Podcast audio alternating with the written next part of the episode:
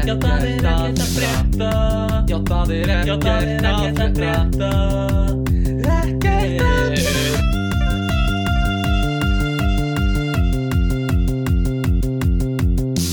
Hei, Lalli, Já, má ég nota mjólkur áskriftina þína í dag?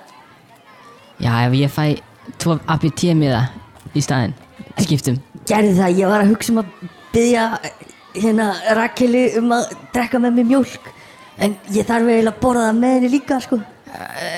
Einn APT, einn APT fyrir mjölkur áskrift Ok, Það er bara það sem að allir er að gera í skólanum sko. Heldur að hún vilji deila ABT? Já, það er bara romantíst Ok, ég sé þig. Ég er að fara í bláa hópin í starffræði Ok, eh, við, við, hérna, ég læti fá miðana eftir tíman Ok, þú skemmti þig vel í hægferðinni Já, já, ekkert uh, Hérna, Já, velkomin í uh, Velkomin, hlustnættu góð Í uh, aðeins öðruvísi þátt en venjulega hérna, Við erum að, að, Við erum með svona míniserju mm -hmm. uh, Og það er aðeins öðruvísi heldur en vanalega Því okkur langaði að tala um Taka svona fyrir ákveðið topic og krifja það svolítið vel. Svolítið mjög vel. Já, og þessi eh, Þessi hugmynd fættist held ég í sundi Eða eitthvað.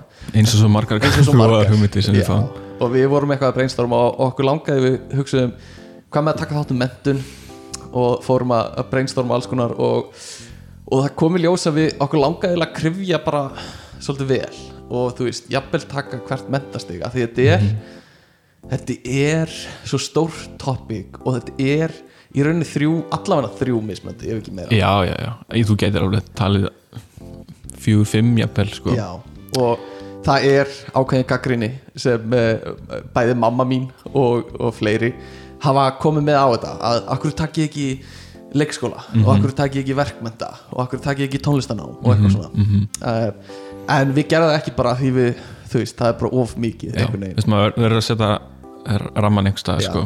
já. Þannig að við ákvaðum að gera þryggja þátt að serju um nám og mentun uh, um sko grunnskóla, mentaskóla eða framhaldsskóla kallast það vist og hérna háskóla. Og við fengum gesti í þættina. Og þetta er fyrsti þátturinn, þetta er hérna grunnskóla þátturinn og við fengum Ómar Magnússon sem er skólastjóri í Hagaskóla sem er sennilega fræg, bara frægasti grunnskóla landsins, er það ekki? Hagaskóli? Já, hann svona er ekki einn af þessum elstu úlingaskólum Jú, ég hugsa það, ég hugsa það. Og í Vesturbænum að sjálfsögðu og við fengum Ómar til, a, til að ræða við okkur. Hann er gamall kollegi okkar. Síðan við unnum í hagaskóla eftir, eftir metaskólan okkar. Þá fórum við aftur í grunnskóla. Mhm. svona skref. Skrifa aftur á bak. Já, má, eiginlega segja það. Og, uh, og mér langaði bara svona aðeins í, í þessum þætti að, að svona tala aðeins um þessa seríu líka Mhm. hjá okkur, svona kynna hana. Af því þetta er öðruvísi þættir en vanlega, alveg klárlega Mhm. þannig að ég alveg skil mjög vel ef að, ef að sko það hafa ekki allir áhuga á þessu en það hafa sumir mikinn áhuga á þessu Algjörlega og ég vil líka meina að öll viðtölum sem við tókum voru bara mjög áhugaverð sko. Já. ég er búin að hlusta þau aftur núna og hérna bara heldur mér Algjörlega sérstaklega þegar ég er að tala Sérstaklega þegar þú grýpur fram í þá Já, já, er það er já, ekstra já. sorry, hérna, ég þarf að segja eitt en, en þannig ég hvet alla bara til að hlusta á þetta. Þetta er líka áhugavert topic bara fyrir alla. Mhm. uh, og svona bera það saman með eigin reynslu af skólanum. Uh, en hérna já, í grunnskóla þættinu þá tölum við Ómar og í mentaskóla þættinum þá tölum við uh, mentaskóla kennaran okkar. Kennaran, Kennaran einn af mentaskóla kennarunum okkar sem heitir Bjarni og kent okkur starffræði og hérna í háskóla þættinum tölum við Róbert Haraldsson og, og Kolbrúnu Pálsdóttur sem uh, eru sko Róbert er kennslustjóri held ég að það kallist. Í Háskóla Íslands. Í Háskóla Íslands. Og, Ró, og Kolbrún er, er fórseti mentavísindasviðs þannig að hérna, þetta eru svona the big guns. Bara ekki spurning. Og allt fólk með áratugar einslu í sínu fæi og það er svolítið það sem við miðum á sko. og þetta er allt líka sko, fólk sem að uh, hefur verið í stjórnunastöðum eða er í stjórnunastöðum í, í sínum Skóla. skólum eða á sínu skólastíði þannig að þau uh, já, hafa viðfema reynslu. Já, það má, má alveg hygglust segja það. Og uh, við okkur langaði að spurja þau sérstaklega um þróunáms það var svona fyrsta kveikjan hjá okkur. Já, og það kviknaði svolítið svona af þeirri pælingu sem er heyrir einhvern veginn út undan sér rosa mikið eða eitthvað svona að sem er samt bara þessi svona heimiverstandi ferpæling, Já, já, þú veist, já. eitthvað svona krakkar eru orðnir svo háðir símunum sínum og, og þeir hérna virða kennarna sína ekki og, og hérna uh, Dónalegir. dónalegir og allt þetta. Og, og þannig að það var eiginlega svona útgangspunkturinn að vilja fá svör við þessum spurningum. Er þetta raunverulega svona? Einmitt. og sko öll svörin voru góð en þau voru stundu PC já, skiljanlega. Skiljanlega, af því þetta eru allt starfandi fólk inn að gera hans uh, en það sem, það sem mér langaði að fá það sem ég hef, hef verið ógeðslega gaman að vera að fá er, þú veist, ef einhver hefði bara brott, eh, bara, bara mist sig, sem gerðist ekki. Spoiler alert. Við reyndum og reyndum. Við reyndum og reyndum. Já, já. En, en já, ég hefði viljað heyra eitthvað svona þetta eru krakkar í dag, eru, eru vondi eitthvað svona. En það þýðir líka bara, þú veist, krakkar bara, ég held að þeir hafa ekkert breyst sko. Nei, meira umhverfið kannski. Um, og uh, þannig að við ræðum við hérna, uh, þau um þetta og, og reynum svona að sjá þróunna og, og hvað, hvernig bara nám er hugsað í dag og í, í grunnskólaþættinum og Ómar hann talar, talar við okkur einmitt um grunnskólana og, og hérna við tölum um þú veist svona hver er sérkenni grunnskólans og, og svo líka bara þeirra reynsla á námi yfirleitt. hvað hvað kennarar höfðu áhrif á þau og hvað gerir góðan kennara og, og hérna svona hlutverk hvers mentastiks fyrir sig. mm -hmm. uh, en já, við erum að fókusa á grunnskóla í þessum þætti. Og uh, og Ómar talaði náttúrulega mikið um hérna uh, nýju uh, hvað heitir það, menta uh, stefnuna Námskrána námskrána, aðal námskrána í grunnskólanum. Og, og þau eru öll frekar jákvæð myndi ég segja. Já, það hljómar eins og eins og að þeim finnist námskráin bara vera þokkalega góð já, eins og hún er. Já, einmitt. Og ma má skýra nokkra hluti en, en er svona heilt yfir frekar góð. Mm um, en hérna við náttúrulega tveir komum úr mjög svipiðum bakgrunn og það er svona má eiginlega segja um þegar, sérstaklega þegar við vorum að tala við Bjarna í mentaskóla, framhaldsskóla þættinum að hérna, þá erum við allir þrýr já, komum við úr hérna MR einmitt. Þannig að það er uh, alveg mjög valið gaggrinni á, á rétt á sér að við skoðum stundum málin út frá bara og okkar eigin hlið okkar svolítið. eigin hlið.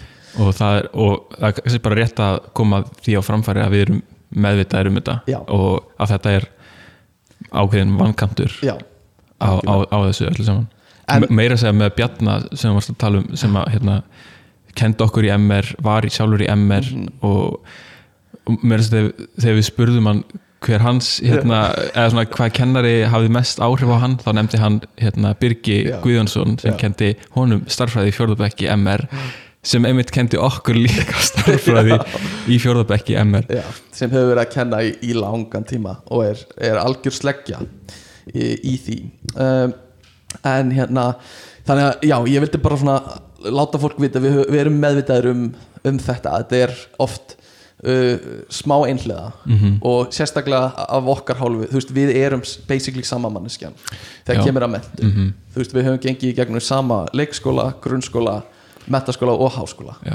Uh, og uh, alltaf eða mjög mikið á, á sama stað. Mhm. þessu sömu já, já, algjörlega. Alltaf sama raunvísinda brautin í rauninni sko. já, í rauninni.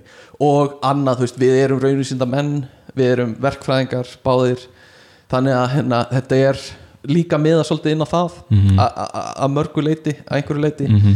uh, sem er annar svona svona, já varnagli sem við setjum í þessa þætti uh, en ég vil samt ekki segja að dragi neitt úr þáttunum að því þeir eru bara mjög góðir samt sko. Já, bara mjög margar áhugaverðar umræður mm -hmm, og pælingar. Einmitt. Uh, og uh, grunnskólin hvernig svona hvernig leið þér í grunnskóla?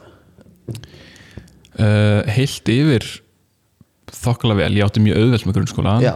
um, bara saman hvort það var í fyrsta bekk eða tíunda bekk um, það er svona um, ég áttaði mig kannski ekki á því þegar ég var í uh, gagfræðaskóla eða samt 8. 9. bekk en svona eftir á að higgja þá uh, voru það kannski ekkit svona mín bestu ár Mhm.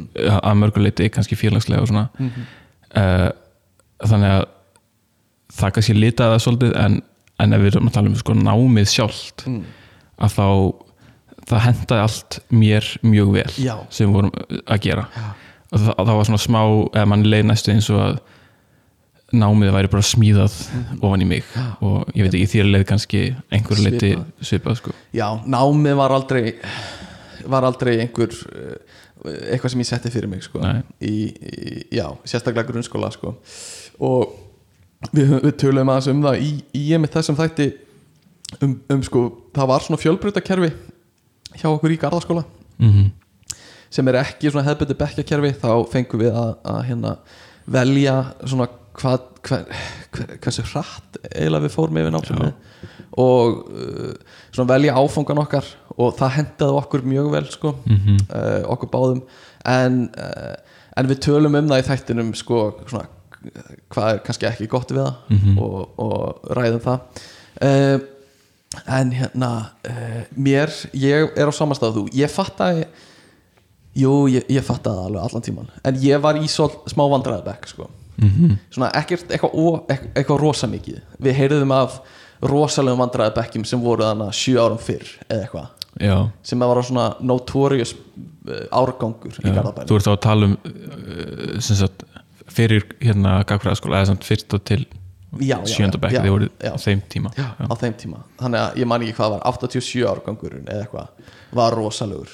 Um, en ég var ekkert kannski á levelu við þau en, en bekkurinn var svolítið svona það var ólgu bekkur sem ég var í sko. Já, og, og þú veist, fann alveg fyrir því í grunnskólanum, það voru læti og, og hérna, þú veist það fylgdi þessi einelti líka. Mm. ekki endilega mikið á mig en aðra í kringum mig.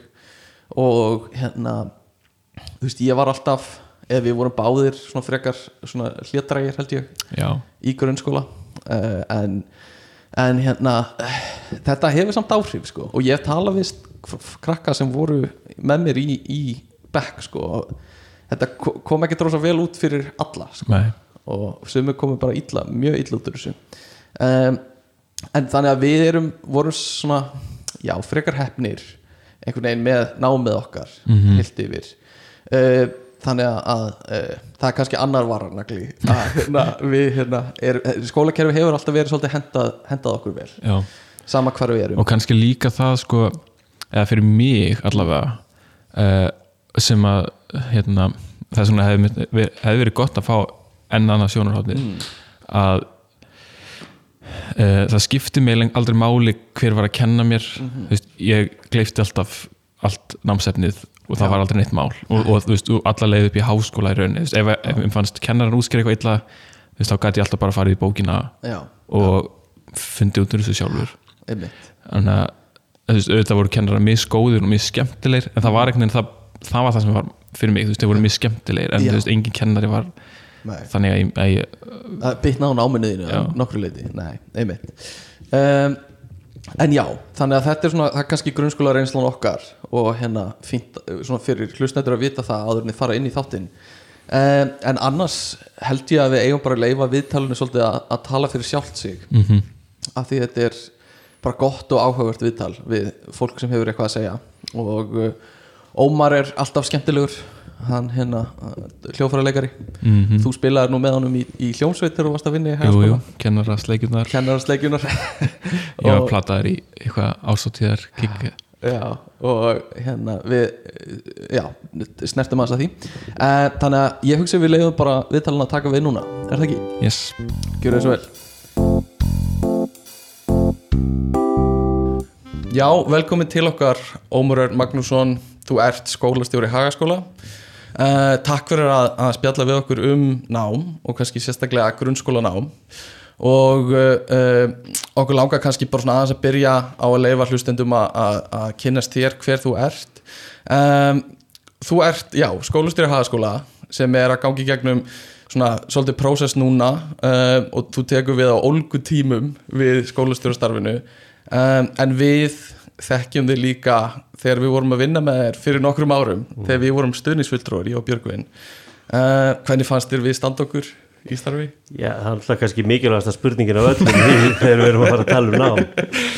Þið stóðuð ykkur alveg framúskarandi vel. Ah, takk, og takk sko svo ég tala bara um ykkur báða þó þið séu náttúrulega tveir einstaklingar að þá höfðu þið marga kosti sem að góður kennari hefur sem er ekki bara að kunna það sem að uh, þá grein og þá leiðir sem við förum í námakenslu heldur hafið þið, lí- höfðu þið líka og hafið held ég ennþá ímsa svona tengingar út fyrir skólana sem að skiptir svolítið miklu máli að spila á hljóðfæri komið að leik, listastörum og svo framvegis og framvegis, þannig að það hefur áhrif sko. Bara Mér, gaman að mér heyra. var sagt þegar ég var ráðinn þegar ég var ráðinn svolítið eftir því Já. Að það ég spila á saxofón hafi frá stór faktor. Sko það, þegar ég eh, fæ kennara í starfsviðtöl að sumir móðgast, ég spyr til dæmis sko, hefur búið út á landi? Já, spilar á hljóðfæri stundar í íþróttir já, og ég hef alveg fengið svari býtu skiptið það, hvaða máli skiptið það? Þú ert náttúrulega að norðan sjálfur. Ég er sjálfur utan að landi og spila hljóðfæri þannig að kannski ég, ég veit ekki hvað það er hvað með að segja. Nei, nei, það, það skiptir máli. Já, bara- þetta skiptir allt máli sko. og þetta svona, talar, uh, svona, segir til um persónu fólks. Um, og fyrst við erum að tala um já, nám og mentun uh, þá kannski er í lagi að spyrja þig hvernig, hvernig ert þú mentaður Hva, og hvað leiti til þess að þú fóst þessa leið? Já, sko, já, einmitt. Ég held að það, það tengist allt saman, sko, það er uh, við sem að vinnum í skólum, einn af ókostunum við okkur er að við erum pínlítið einsleitur hópur. Það er svona kannski skiljanlega þá er svona líklega að þeim sem að leið vel í skóla í gamla daga þeir sem að uh, gekk vel í námi þeir sem svona einhvern veginn fundu sig sem nefendur í skóla er líklega að þeir leggja þetta fyrir sér heldur en hinir. Þannig að, að því leiti er uh, hópur eða kennarar hópur fólk sem að leið vel í námi og gekk vel í námi. Uh, og það á svo sem alveg við mig og ég hafði bara mínar góðu fyrirmyndir sem kennara í gegnum mér en voru öll skólastig en uh, sko ég var nefnandi í sakfræði hérna í háskólanum bara og svona hendugt hagaskóli er náttúrulega í raun og á háskólasvæðinu þannig að hendugt á setni árum þegar mér vantaði aukavinnu að fara yfir í hagaskóla og ég byrjaði sérstaklega bara að kenna eh, með námi í háskólanum. Farða strax að þetta var algjörlega frábært og það sem ég langaði til þess að gera þannig að leiðin var nú bara býstna augljós í framhaldinu ég kendi þá í nokkur ár eftir ég kláraði sakfræði og var þá í kennsluréttindanámi meðfram frá Háskólum Akureyri Einmitt. uh, svo kendi ég þá í Ha- Hagaskóla þó svo ég sé reyndar ný viðtekinn skólastjóri í Hagaskóla Já. og hef ekki verið í Hagaskóla núna alveg undanfærin ár að þá byrjaði ég að vinna þar fyrir 25 ára síðan Já. og hef svona meira eða minna verið í Hagaskóla með nokkrum hljöfum síðan ég byrjaði hérna bara í Háskólanum eða meðfram Háskólanum uh, ég hérna svona var síðan fengin inn í stjórnun í Hagaskóla eftir að hafa kent í einhver tíu ári eða svo og það var til þess að mig langaði til þess að, að hérna menta mig örlítið á því svið og fór í meistaranám uh, til Englands 2016-17 í hérna svona stjórnun mentastofnan eða námið mitt heitir sko Educational Leadership and Management sem að mér varst svolítið áhugavert að vera með svona þessa fórustu áherslu á undan uh, stjórnuninni.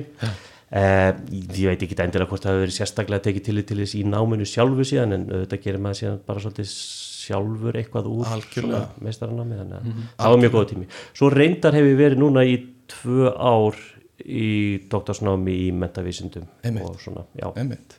Þannig að þú, já, að má eiginlega segja þú sérst að koma með ákveðna þekkingu heim líka að fara út og Já, já, algjörlega sko og hérna hef reynda búið þri svar í Englandi og þar af tvísvar með fjölskyldu og börnum sko og þannig að ég hef svona kannski meira sútenging líka að hafa svona kynst því kerfi sem foreldri og áhuga maður um skóla og, og, og hérna mentastofnanir og, og störf þeirra. Og það var mjög áhugavert sko. Ég í sjálfu sér svona almennt myndi ég segja að sko mér fannst við í sjá, kannski ekkit endilega geta lært mikið af allavega þeim skólum sem að börnin mín voru í út í Englandi.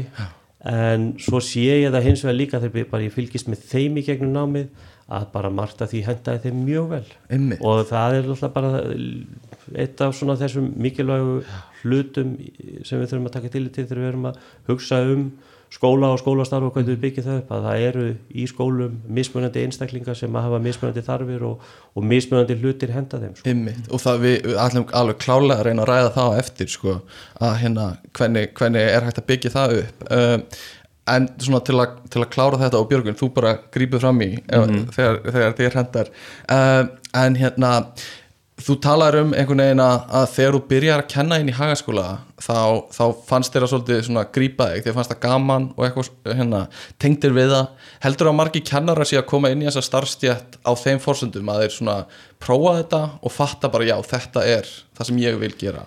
Eða er þetta meira að þeir hafa lengi dreymt um að verða kennarar og metta sig? Já, góð spurning. Uh, sko, ég held þetta sé uh, alveg örglega þetta bæði. Og, og, og hvort sem er hérna bara frábært. Og það er bara frábært ef að hérna áhuga samt og hæfileikaríkt fólk leitar í kennslu. Og það er bara það sem við viljum sjá. Svo hefur við reynda líka séð sem er pínu sorglegt. Fólk sem að heldur að þetta sé eitthvað sem það, það, það langar til. Jafnvel komið langt í gegnum námið prófar að kenna og finnur að þetta hendar þeim enga veginn. Það er náttúrulega mjög sorglegt. Það er svolítið reynsla mömmu minnar. Hún var Já. kennaramentuð, Já, ég- kendi eitt ár og svo bara Er það? búið sko. Áhugavert?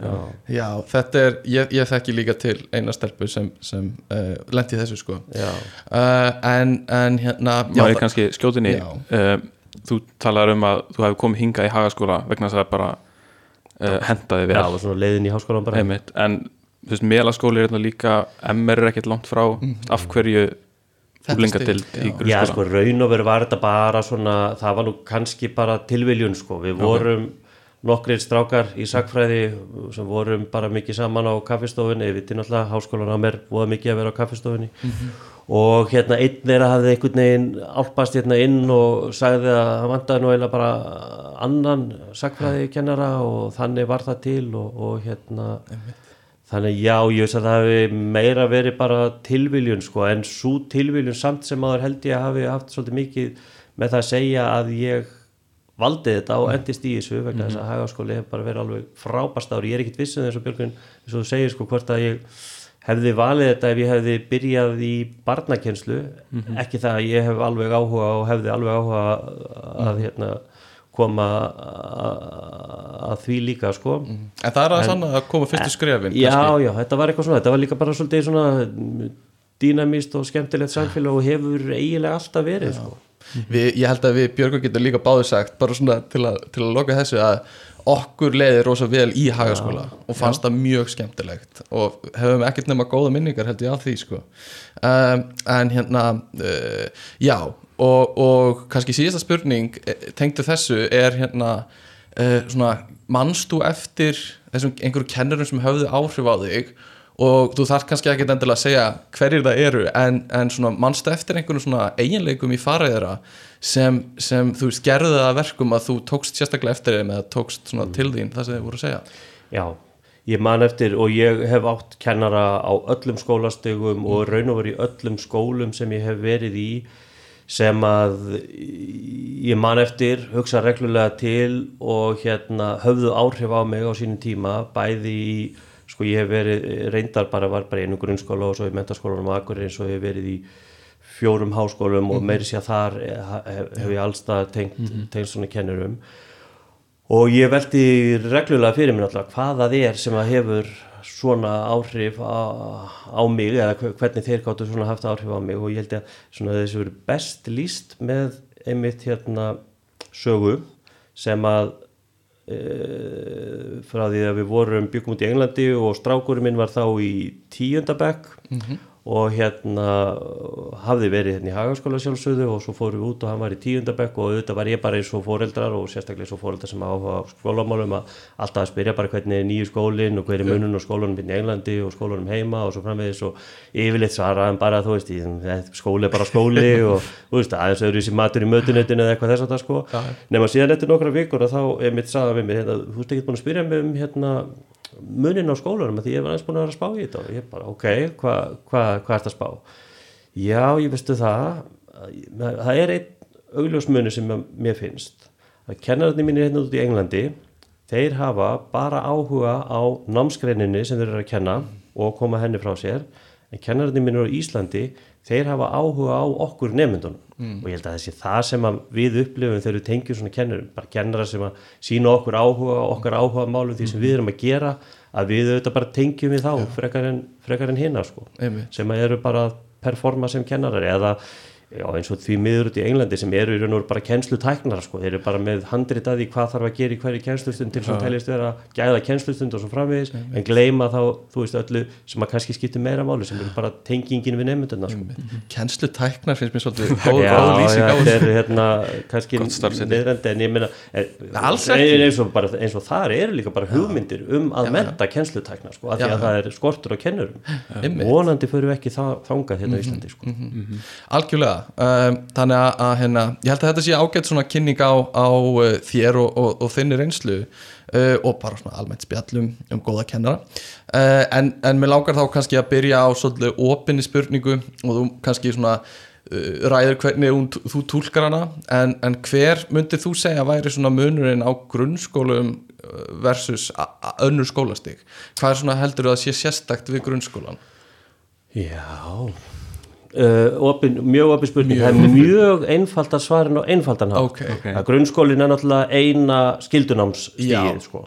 það er mm -hmm. og þess vegna finnst mér að grunnskólin hafi svona ákveðnara hlutverk og ég ætla ekki að segja þessi endilega mikilvægara hlutverk en það er svona það, það fælst í því svona ákveði hlutverk að vera skildunámsstíð mm -hmm. og í mínum huga, og það er ekki allir samála því er það hlutverk að grunnskólans að menta einstaklinga fyrir samfélagið -hmm. að þegar við förum síðan í einhver sérnám eða, eða þess vegna í framhaldsskólanám eða í háskólanám að þá eru við kannski meira að horfa á nám fyrir einstaklingin, auðvitað fyrir samfélagið líka en mér finnst að grunnskólinn sé að stærri hluta eða ef við erum með einhverju svona hlutulið því að þá er bara mm. uh, hérna, tilgangu grunnskóla 75% að búa einstaklinga, einstaklinga undir samfélagið fyrir samfélagið, ekki fyrir þá sjálfa.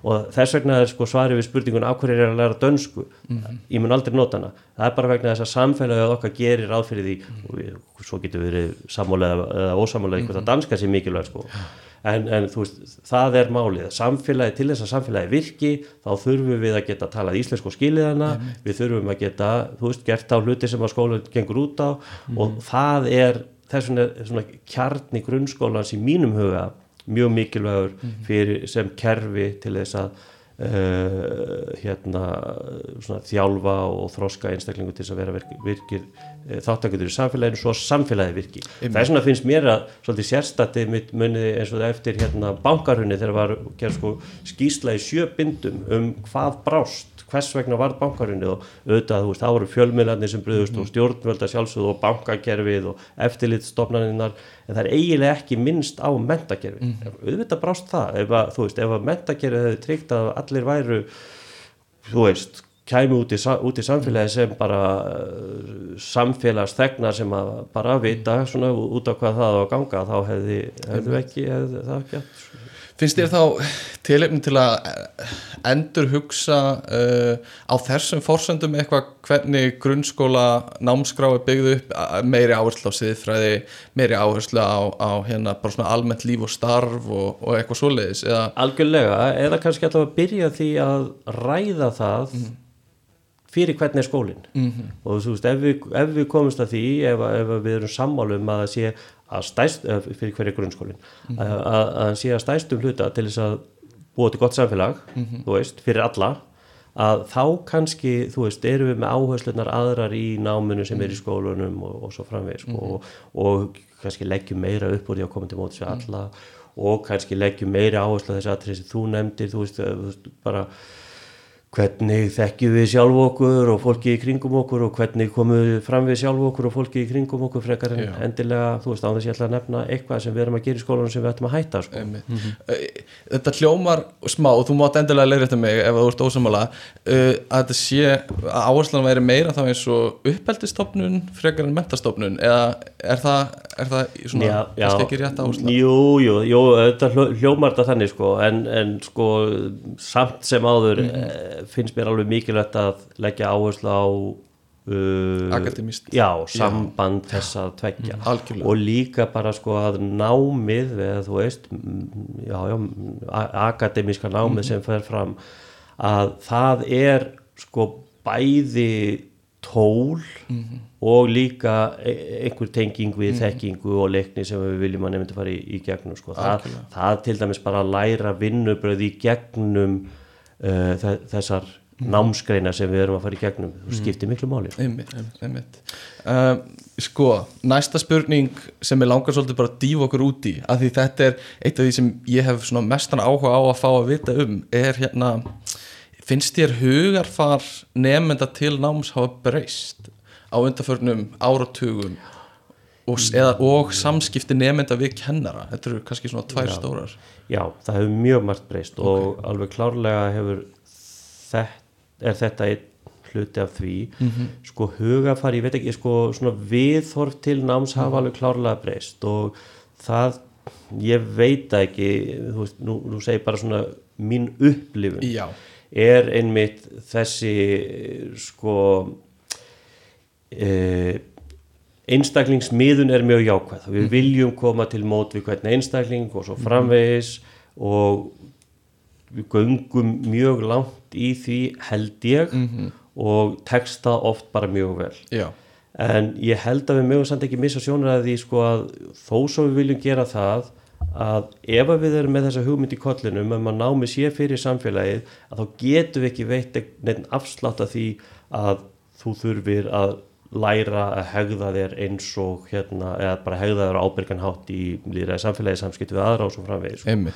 Þannig að það er sko einstaklismiðinu góð en við getum ekki farið svo langt að, að hérna bara allir megu að gera það sem þeir vilja sko. Nei, nei, en við finnum líka fyrir því í skólunum að sko skólinn hefur verið tilbúin til að koma mjög mikið til móts við alls konar þarfir Já. sem er frábært og við eigum að gera uh, en okkur er svolítið mikið rétt ný og ný verkefni bæði frá yfirvöldum og svo eru gerða til okkar auknar og auknar kröfur uh, bæði frá yfirvöldum og með nýjum reglum og viðmiðum og svo framvegis og líka bara frá einstaklingunum sjálfum eða þá fóreldrum og svo framvegis. Uh, ég held, þú veist ég, ástæðurnar fyrir þessu, ég veit það ekki. Kannski eigum við í skólunum að hluta til sökamáli, kannski þurfum við að vera opnara í samtalinu. Uh, ég held að sé náttúrulega bara nöðsilegt í öllum skólum að vera í mjög góðum tengslum við fóreldra ekki bara í þessari upplýsingamilun millir fóreldra skóla, heldur líka bara að fá fóreldra inn í skólana, þessum þáttakundur í skólanum sem framvegis, Já. þá hérna svona bara ekst skilningur á því sem við erum að gera held ég. En, en það, já, það er svolítið sko gott eða slæmt sko, það er svolítið uh, við erum beðin um að taka tillit til allskins þarfa og tekst það sem betur verið oftast vel en stundum betur maður sér svona svolítið. Já, mér finnst það bara mjög eðlilegt að þetta sé, þetta er stórt verkefni af því ef við erum að hugsa um að allir séu uh, að við erum að horfa á alla á svona einstaklingsgrundvelli þá svona næstuði finnst manni bara að allir ætti að hafa sinni eigin kennara. Eða þannig, skilur þú að hérna, þú veist, það er erfitt að díla við uh, allar þarfir allra og hérna en er þróunin, hefur hún verið í áttina að þessu, að þetta sé að við erum að nálgast alla nefendur á einstaklingsgrundvelli, er það svona þessi helsta þróun? Já, sko, og, og ég, kannski er þetta bara því ég hugsa, hef hugsað meira um þetta eftir sem líður á. Að, að hérna svona hef svona velti fyrir mér hvort að það sé að flækjast of mikið fyrir umræðinu og fyrir svona hugmyndum fólks um mentun þessi hugmyndum að mentun er fyrir mig sem Já. einstakling. Ég fer í skóla til þess að gera mig einhvern veginn betri, verðmætari uh, færari til þess að veist, eitthvað svona, takast á við. Og vissulega er það eitt hlutamendun en í mínum huga finnst mér að við verðum að koma inn meira þeirri hugsun að ég fer í skóla til þess að gera með að betri samfélagsþegni einmitt. Eh, þannig að sko skólin er fyrir mig svo ég geti verið meira og stærri sko, gott og vel þú veist, það er gott að hafa það við þó að þú allir að ebla þig og stækka þig og í gegnum þína skólagöngu.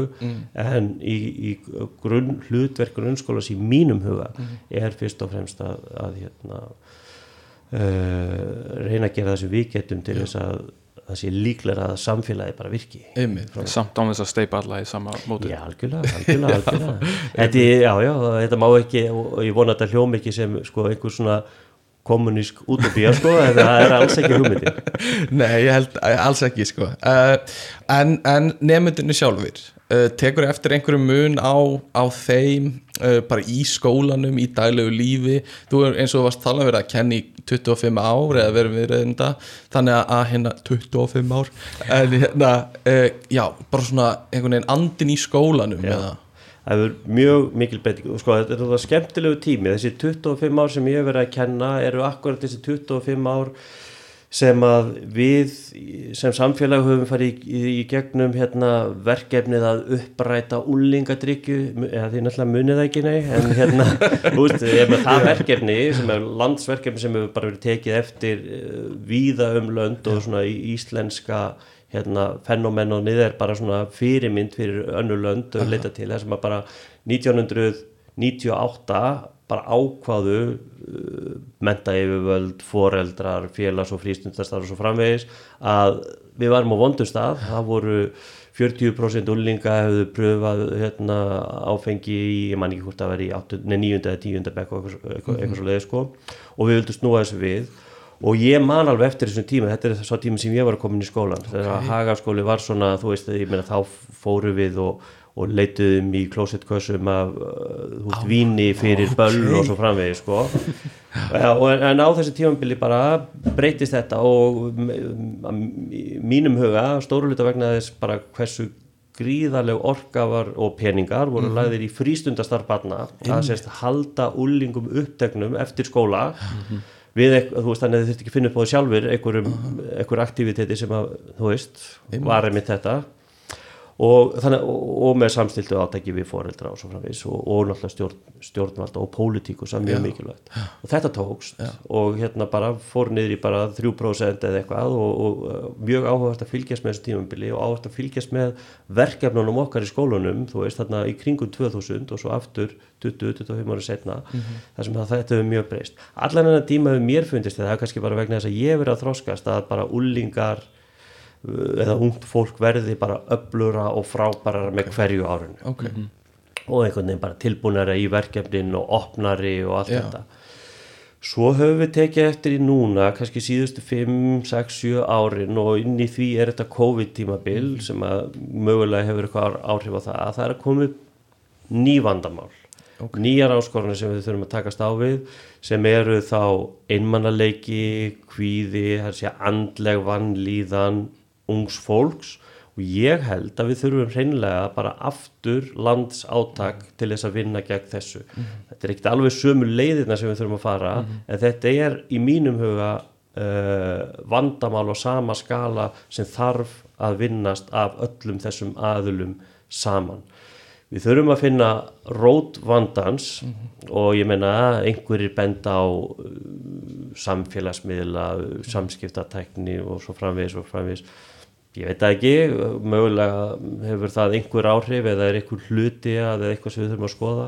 En ég held að við þurfum bara aftur að fara í þetta að ebla samveru ungs fólk, fólks og, og, og hérna mm, svona félagslega virkni eftir skóla og reyndar í skólunum líka uh, til þess að, að hérna, breyta þessari þróun. Fyrir 25 árum var sett útivistabann, það var eitt af svona einu aðgerðum sem við nefnd, það eftir klukka 10 og það hefur svo sem bara haldið svona mestu. Uh, núna velta sömur fyrir sig hvort það þurfa að setja sko öfugt útivistabann þú átt að vera úti til klukkan 10 eða til klukkan 11 eða hvað það er sko, til þess að bara þú veist, þú sért ekki heima hjá þér einn í samfélagi þú veist í virtual samfélaginu sko. einmitt, einmitt. Það er spurning. Já, áhugaverð til raun það væri áhugaverð til Má ég koma inn núna? Nei, Uh, nei, en já, þetta er, þetta er mjög áhugavert. Uh, tengdu þessu og þetta sé að gerast núna þessum bara síðustu árum. Uh, en hérna sko, við getum við getum talað um þetta svolítið lengur en, en mér langar líka að spurja uh, bara af því uh, bara til að, til að snerta á því. Hvernig hafið þið svona og hver var ykkar upplöfun grunnskólakennara af styttingu framhaldsskólana Uh, og hvernig var, var voru höfð, voru þið með í ráðum og að hvaða leiti og komið, já, og hvernig komið þið til móts við þetta eða gerðu þið það? Já, sko Nei, þetta er náttúrulega þetta er skrítin svona þessi breyting er, er mjög sérkennlegt að tala um þetta sko að hugmyndin var að uh, sagt uh, grunn eða fyrstu, fyrsta árið í framhaldsskólanum væri í raun og veru námsefni sem að færi í gegnum í grunnskóla. Og ég held að það sé alveg mörguleitir rétt. Já, nema að grunnskólar eru bara rosalega misjafnir. Og það er bara, þú veist eh, er kannski ekkit algilt yfir, yfir alla skóla hinn svona aðal pælingin í þessu var einhvers konar svona skilvirkni pæling að skila nefendum fyrr út í atvinnulífið eða eitthvað þess að dagar og að við værum þá pínu svona Uh, hérna sambærileg við nágranna þjóðir okkar og, og það er líka alveg góð pæling sko en þá finnst mér þetta við þurfum að skoða þetta ennþá víðara vegna þess að þú veist þegar ég útskæðast úr framhaldsskóla eftir fjórara nám fór í háskóla hérna á Íslandi og reyndar eh, var síðan skiptinemi út í Englandi og fór í háskóla þar að þetta, þú veist, þetta er eh, þú veist, að að fara síðan út til Englands var bara svo að koma pínlítið aftur í metaskóla það voru bara átján, já, við höfum átján ára krökkur sem voru að flytja í fyrsta skipti að heiman Já. og námið meira að segja þó svo að þú veist, þetta er það bara það sem maður gerir úr því sjálfur. Mér fannst ég svo ég var að fara pínlítið aftur í metaskóla með að fara þanganum, það var meiri sér ekki náminu sem ég var í. Uh, þannig að sko ég veit ekki jújú jú, það er auðvitað lítum við í, í kringum okkur og miðum okkur við þau lönd sem við berum okkur saman við og það er ákveðið hagræði í því en síðan verðum við líka bara að horfa á sérkenni og einkenni okkar hérna á Íslandi að sko nefendur er ekkert í fyrsta skipti að verða virkir í atvinnulífi þegar þeir eru útskrifast úr framhaldsskóla Nei. eins og í vi- víða í útlöndum. Einmitt. að þú veist, nefendur sem að hafa farið gegnum framhalskóla hafa verið virkir í atvinnulífi í mörg, mörg ár. Þannig að þú veist, ef að atvinnulífinu vantar mannskap, þá hefur það haft aðgangað honum og, og, og þú veist, kannski er það bara heppilegt að við séum að kynast atvinnulífinu smátt og smátt í gegnum, ég veit ekki framhalskóla og háskóla þó, svo ég mæli ekkit endilega með því að fólk sé að vinna mikið með skólinn, við munum alltaf á sumrin og, og svo framvegis. Kom einhvern tíma til greina að, að hérna, stytta grunnskólan frekar? Ég veit það bara ekki alveg örglega sko, jú, jú, og það var í umræðinni eða þú veist, umræðan var einhvern veginn þessi sko, allavega í, á, á einhverjum tímapunkti og eftir á alveg klárlega. Þú veist, ég meina það er, það, það er ekkert lögmál að mentakerfið sé byggt upp eins og það er byggt upp eða hefur verið byggt upp og þetta má sjá það fyrir sér á alls konar vegu eða bara þetta sem ég, ég held að sé svolítið mikilvægt að við, ok, við horfum til þeirra sem við viljum bera okkur saman við og það er allt gott og blessað. Svo held ég sé bara mikilvægt að við skoðum líka bara sérkynna okkar og enginn og hvað er gott við það kerfið sem við höfum eða eitthvað er. Þú veist, ég meina Ís, sko, framhaldsskólanám á Íslandi hefur félagstíð til dæmis hefur alltaf verið mjög mikilvægur hluti af því. Og ég meina ég held við hefum bara að þú veist, virða það og meta og hafa það inn í jöfnunni þegar við erum að, erum að fara í gegnum þetta. Svo er líka bara aðri þætti sem að hefði líka verið áhugavert að skoða eins og til dæmis bara með það það er, nú ég hef aldrei eh, starfað sko sem stjórnandi í framhaldsskólinni ég mynda með að sé pínu flókið að vera með skólastofnun þar sem þú ert með börn Já. skilgjant samkvæmt lögum undir 18 ára og fullorðið fólk þannig að þú veist, hefðu við einhvern veginn átt að ef við verðum að setja upp skólakerfi bara frá grunni núna og engin, ein, með engar fyrirmyndir þá hefðu þe- þe- þessi átjánar aldur örgulega markað einhver tíma í því það er kerfi mjög sko. góð punktur sko. algjörlega og hérna uh, já, maður veit bara að þetta hefur þetta var rosalega áhugavert þegar þetta var að gerast á sínum tíma mann ég uh, einhvern veginn hvað álægið uh, einhvern veginn bara bitnaði rosa mikið á nefndunum og maður heyrði einhverja hrellingsögur um að þessi í skólanum í, í þá getur klukkan 5 og ekki tíma fyrir neitt annað. Uh, Ég held að þetta sé, þetta er í mínum er þetta dæmi um aðgerð sem kemur ofan Mhm. sem hefur einhvern ákveðin tilgang en kynnt með einhverju öðrum tilgangi mm veist, ég, ég held að og, já, og það er bara vafa samt að svoleiðis Já. virki vel í breytingum á kerfum. Veist, það þarf eiginlega bara að segja hlutin eins og þeir eru. Ef að hugmyndin var að gera þetta til þess að spara peninga Mhm. og þá var bara segja það. Já, það er bara mjög góða punktur líka sko.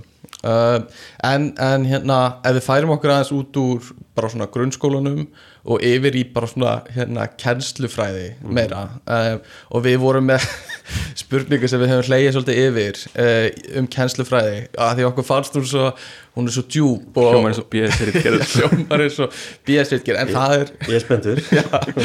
En það er sko svona, hverjar eru ráðandi kenningar í kennslufræði og uppbyldisfræðum í dag og, og ef þú veist, hefur einhver hugmyndum að hvernig hafa þær breyst? Hvernig er svona nálgunin á okkar í kennslufræðum? Um, og eru aðferðnar sem eru notaðar í dag betri, eru þær góðar? Og heldur að þær þróist meira? Þetta er svona Sko, þannig að í rauninni bara kennslufræði er spurning, já, be betri eða verri sko, það er hérna alltaf svolítið spurning. Mhm.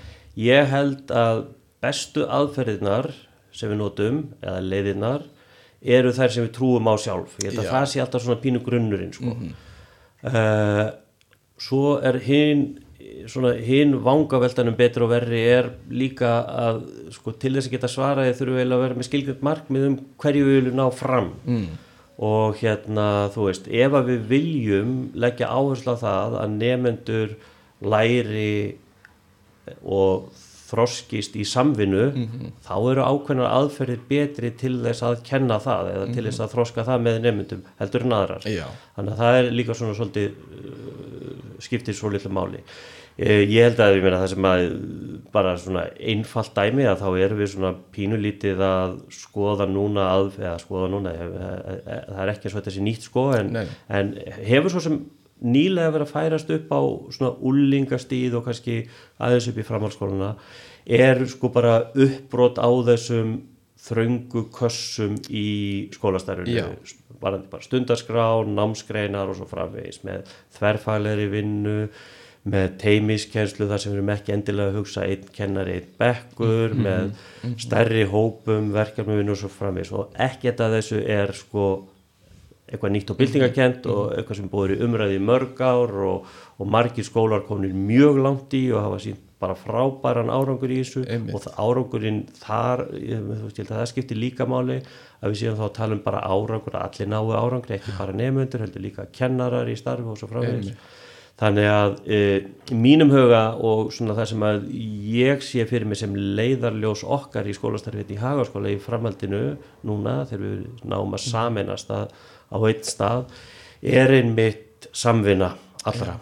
Og að, að við kennarar séum að vinna saman og vinnum jafnvel saman í kennslu og nefnendur og svo framvegis og, og að við brjótum upp svona þessar þessar svona kalla þetta er kannski ekki múrar en það eru svona ákveðna gerðingar á milli gerðingar á milli greina, á milli námstíma á milli svona hef, þetta hefðbundna árganga Já. sjálfsögðu. Mm einmitt. Uh, sko, já, þetta, þetta hljómar svolítið uh, eins og uh, eins og þú varst að tala um að, að þyrt, við þurftum að skilgreina svolítið vel tilgangin og vita hvað við erum að reyna að, að byggja upp eins og þú varst að tala um hóp, hóp, eða svona vinna í hópum eða samvinnu og eitthvað svona. Finnst þér það eitthvað sem sem vanta eða finnst þér fyrir eitthvað skýrt verkefni sem þið grunnskólanir eruð að reyna að vinna að? Vitið þið hvað skiptir máli eða finnst ykkur það? Já, sko, náttúrulega auðvitað getur það verið að einhverju leiti pínu personubundið eða Mhm. mismunandi viðhorfa á milli fólks en ég menna við eigum að- í mínum huga bara mjög góða aðalnámskrá Mhm. og hún er svona mátulega opin og víð Mhm.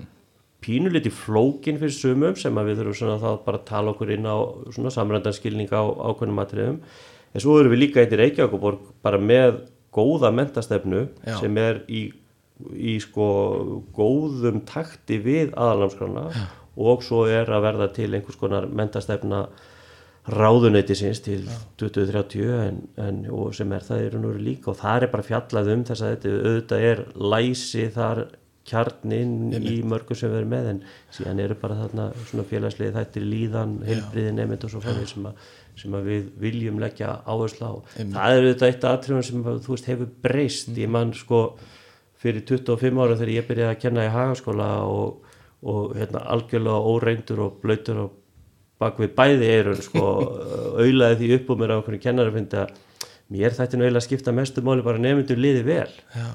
Og það var bara leið út á borðinu sko. þetta væri nú þetta væri nú ekki skemmtist að sko. ok, ymmit þannig að það eru svo sem já, við þorfum hafa að sjálfsögur breyst og verkefni þar með náttúrulega en bara ég, hérna um, ef við breyt ef aðferðunum í grunnskólanum er breytt í einhvern veginn eins og þú varst að tala um uh, og svo faraðu upp í framhaldsskóla þar sem að eru, þeir eru kannski íhaldsamari eða sérstaklega tölum eins og MR eða eitthvað mm.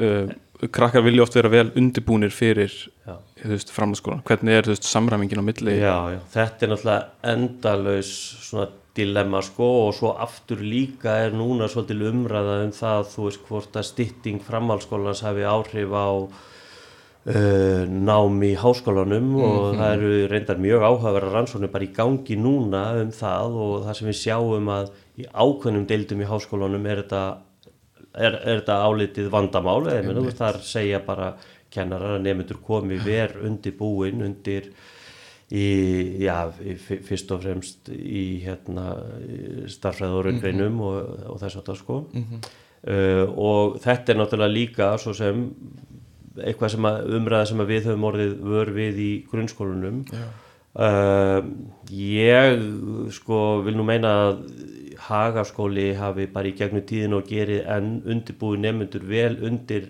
margskonar framhaldsskólanám mm -hmm. stór hluti nefndu í hagaskóla fer í þessa eftir sóttustu framhaldsskóla mm -hmm.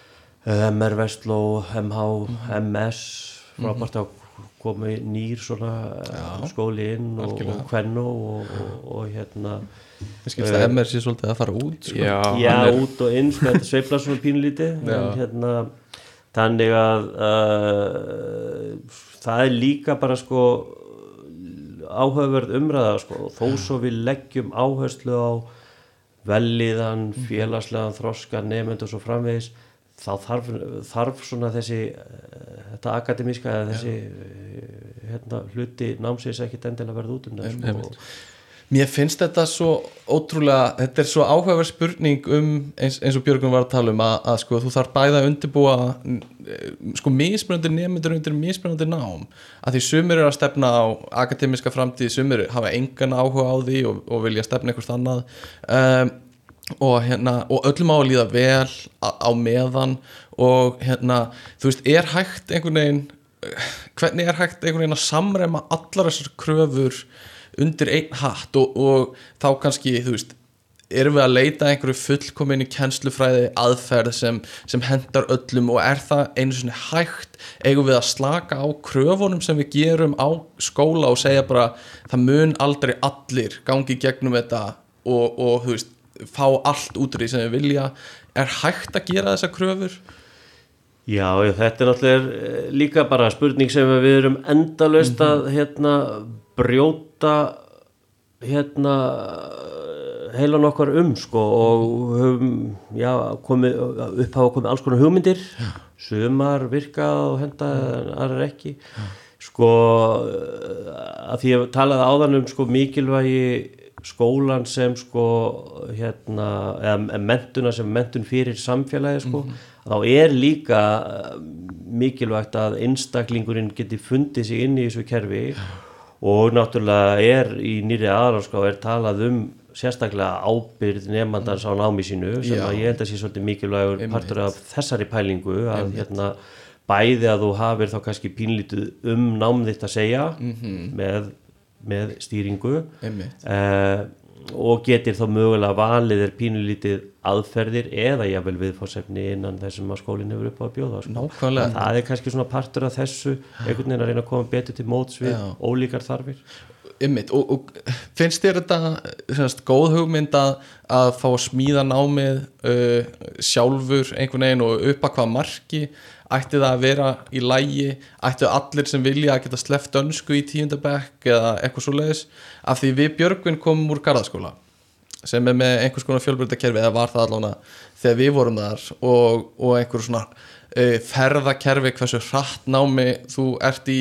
Uh, ég verð að segja garðaskóli og ég heldur sér ennþá með þetta þetta er alveg, þetta er sko, svo brenglað að fe, hérna, ferðirnar heita hægferð, hraðferð, miðferð og flugferð sem er svo skrítin nöfn á, á þessum ferðum uh, af því við Björgvin vorum báður í, í því sem eitthvað heitir flugferð. Þannig að okkur gekk vel og við, við hérna fórum í einhverja metaskóla áfanga.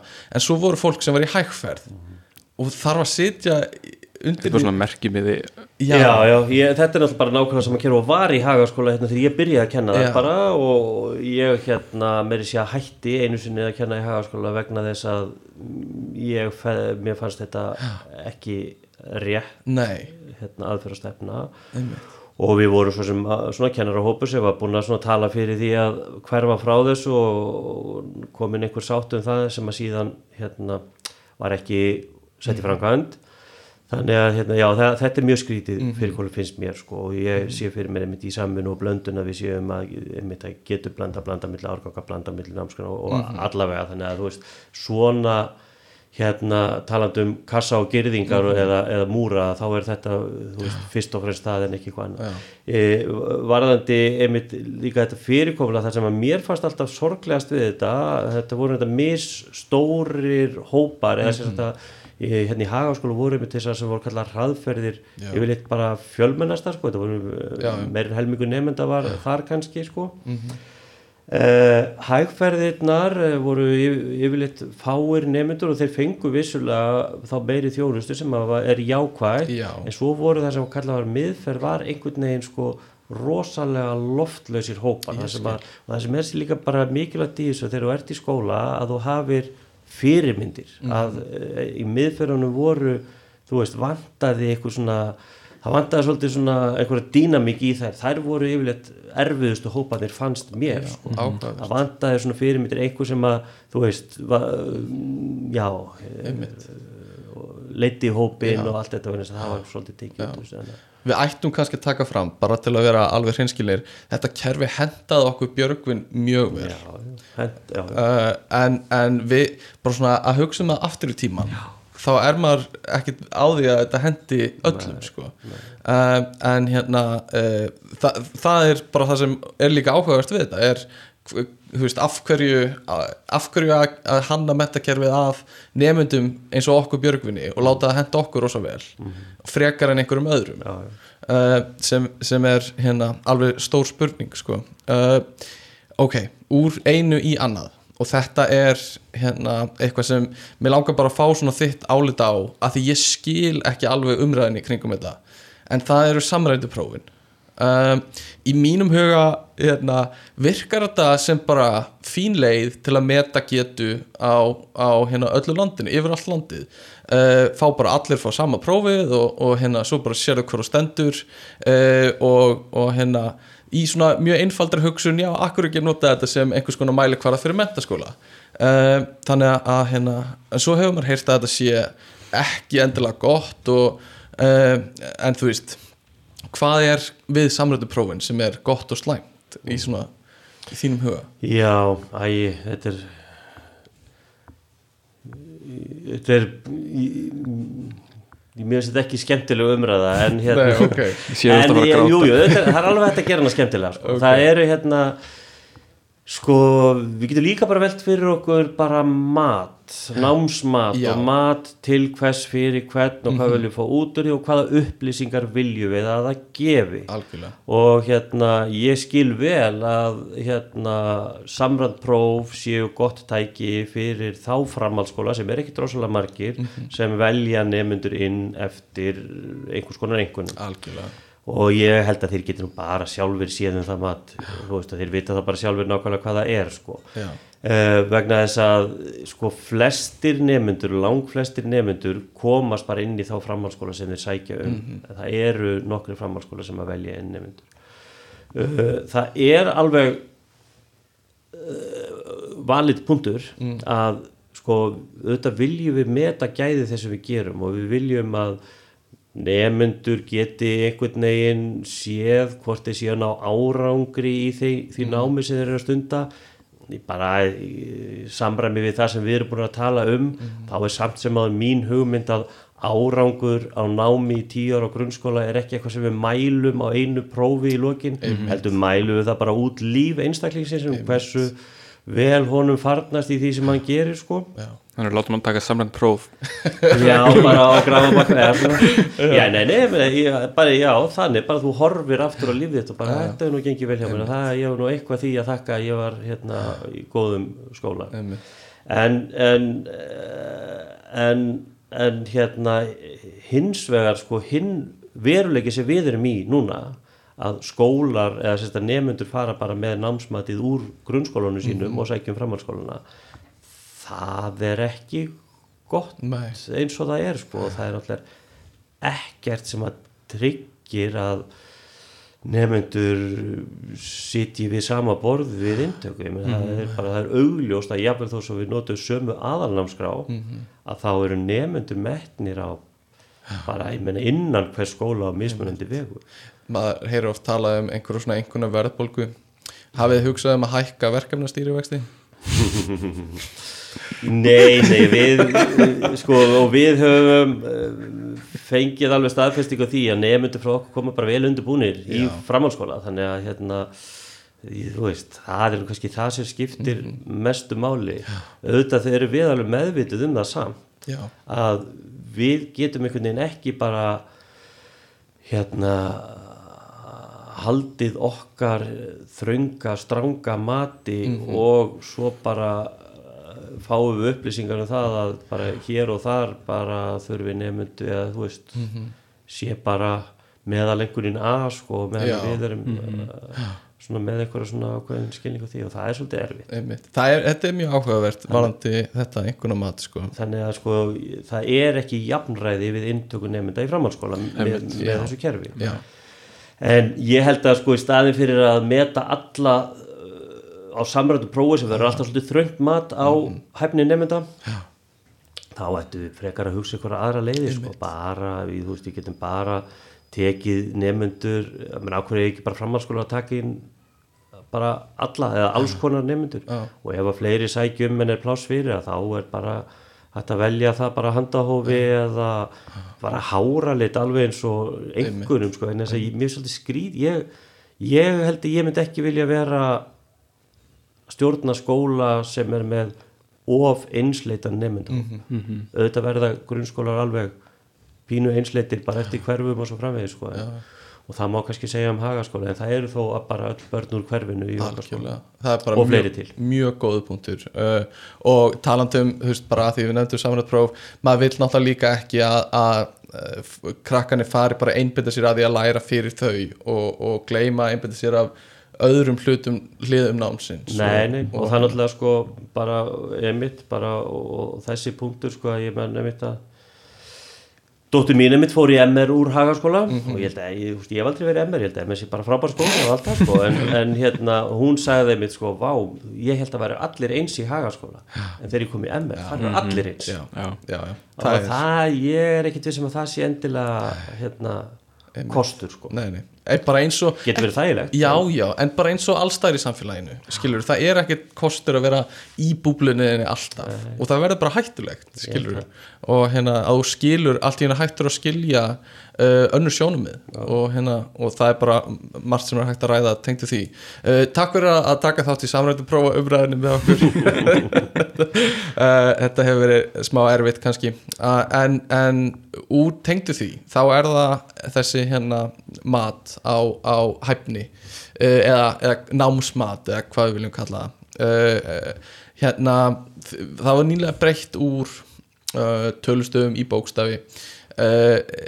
Skiptir það máli? Bara einföld spurning af hverju, af hverju ekki litir? Já, já, nákvæmlega eða tá eða ták Sko, ég held að þessi breyting í nýju aðalnámskránni hafi allavega haft þau jákvæðu áhrif að við kennarar komumst ekkit upp með annað en að setja okkur bara nokkuð vel inn í námskrána.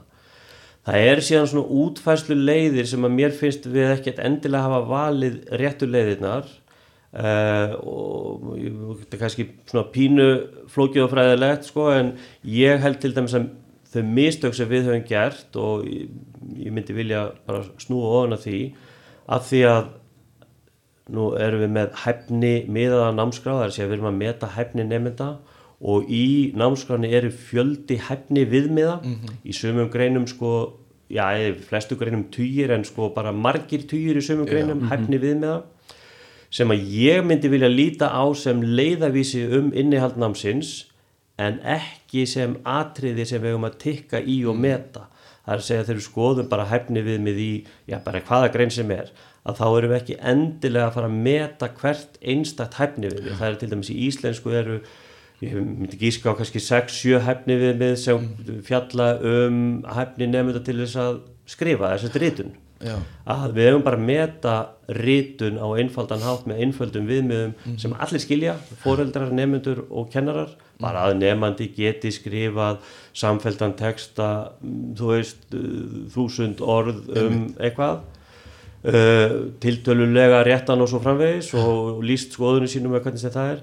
Í staðin fyrir sko að vera að tikka við hæfni viðmið sem er svona afmarka hæfni viðmið um að nefnendur geti hérna skrifað blæbriðar ríkan texta um atvik sem að hafa átt sér stað í einlífi þannig að svo, þetta er- ég, ég heldur þurfum að nota hefni við miðin sem svona ramma utanum námið en einfalda matið til mikill að muna þannig að allir skilja það. Og er ennþá próf svona þetta helsta sem er Já, notað? já, það eru próf og það eru verkefnaskil og það eru ritgerðir og já, já, þetta alls kynns klassíska. og sjálfur sér er ekkert sem bannar að hafa, þú veist, starffræðipróf þar sem við teljum punta Mhm. þó svo að það kannski svona sé ekki alveg í takt við hugmyndafræðina sko. Já. í raun og veru segir aðalnámskrafin bara að nefnendur skulu vera útskrifaði eða skulu útskrifast úr tíundabekk með bókstöfum það má nota hvað sem er annað þessu utan Ok. sko Ég man einmitt þegar,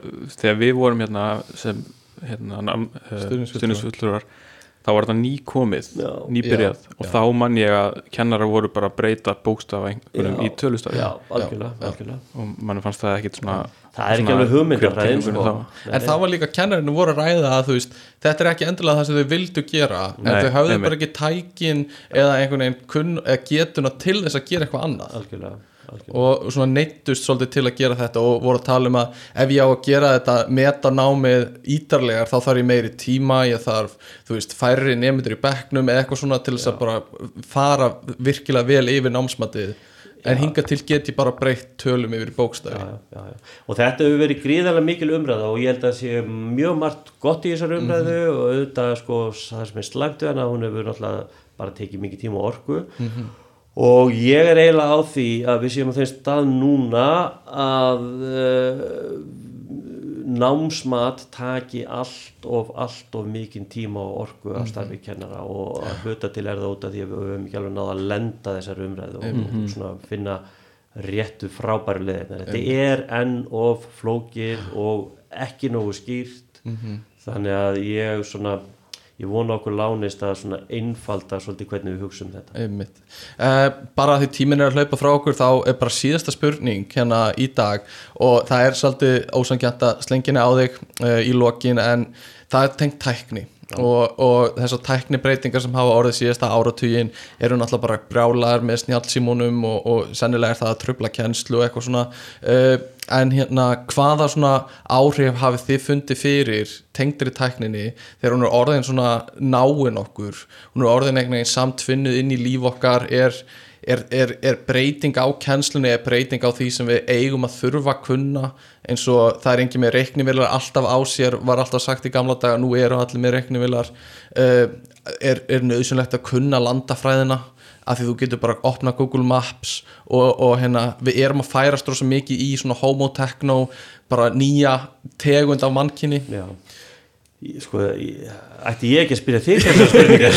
Ég held ég en þetta eru mjög áhugaverða pælingar. Já. ég eiginlega svona og svo eru náttúrulega með hérna bara hérna gerfigreindar pælingar líka sko spurningin er þú veist eigum við að líta á það bara eins og breytinguna frá sko hérna reiknistoknum yfir í Aha, tölvureikni eða yfir í uppflettubækurnar yfir í interneti sko, mm -hmm. stórðabækur yfir interneti eða uppflettir í interneti Mhm. og hérna við séum bara með þetta allt á okkur og reyðum okkur á tæknina ég held að, mér fannst eiginlega sko, eiginlega svona bestu pælingarna sem ég hef tengt neða, heyrt tengt þessu er í, hérna, var viðtal við Berg Ebba, þar sem hann Já. var að tala um að hérna, þetta væri náttúrulega alveg brjálaðslega áhugavert og hann talaði um að hann vonaði að gerfigreindin myndi nálgast okkur áður en við nálgumst hana á mikið, áður en að maðurinn fer að, að við verðum bara eins og gerfigreindin